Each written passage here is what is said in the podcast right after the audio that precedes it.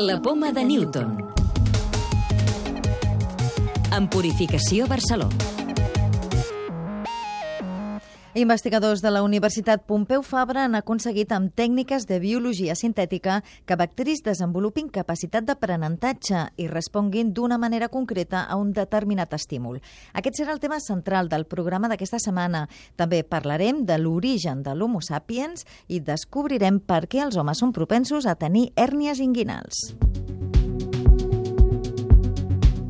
Un grup d'investigadors de la UPF han treballat amb bacteris i han modificat les relacions entre els seus gens perquè aprenguin un comportament nou, tot plegat amb l'objectiu d'utilitzar en el futur els bacteris del nostre cos, és a dir, el nostre microbioma, per curar malalties complexes com el càncer, la diabetis o l'obesitat.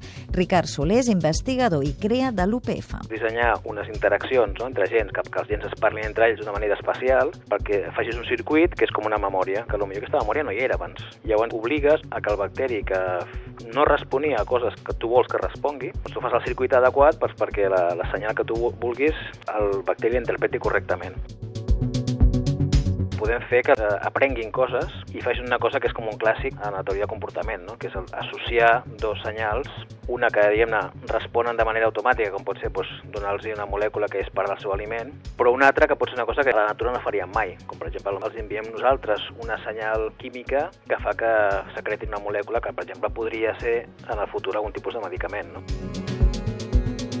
Temes com obesitat, depressió, que sembla clar que el, que el microbioma ja està darrere. Però si nosaltres poguéssim, un cop identificat que hi ha un procés que no funciona correctament, a lo millor és un, un tipus de bacteri concret, no? Si nosaltres poguéssim modificar genèticament aquest bacteri o un bacteri que parli amb ell i, i de manera controlada, per exemple, un probiòtic, no? pues, donar-los una senyal perquè restauri alguna cosa que ha fallat.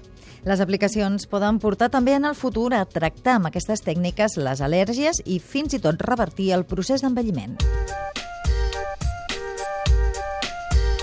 L'Homo sapiens podria tenir una edat de fins a 400.000 anys, el doble del que es pensava fins ara. Aquesta és l'opinió del cap de Paleontologia Humana de l'Institut Català de Paleontologia, Miquel Cruzafont, Salvador Mollà no em sorprendria que encara poguessin trobar formes transicionals entre formes arcaiques d'Homo i Homo sapiens a partir dels 400.000 anys. No seria d'estranyar i molt possiblement l'edat de 400.000 anys sigui una possible edat d'origen de la nostra espècie. Investigadors d'Irlanda han desenvolupat un tractament que pot matar ràpidament bacteris resistents als antibiòtics. La teràpia està inspirada en el nostre sistema immunològic i consisteix en una combinació d'enzims i molècules reactives produïdes per les nostres defenses. El nou tractament podria ser molt útil per fer front a bacteris que no responen als antibiòtics convencionals. La Universitat Pompeu Fabra i l'Institut de Biologia Evolutiva han creat una base de dades genètiques de referència a Europa. Han analitzat mostres de més de 200 persones d'ètnia mediterrània i gitana i han aconseguit una base de dades única, el nou banc és una prova del que poden aconseguir les tècniques de seqüenciació massiva del genoma i les seves aplicacions en casos d'identificació complexos, com pot ser el de persones amb fosses de la Guerra Civil. La clau de volta.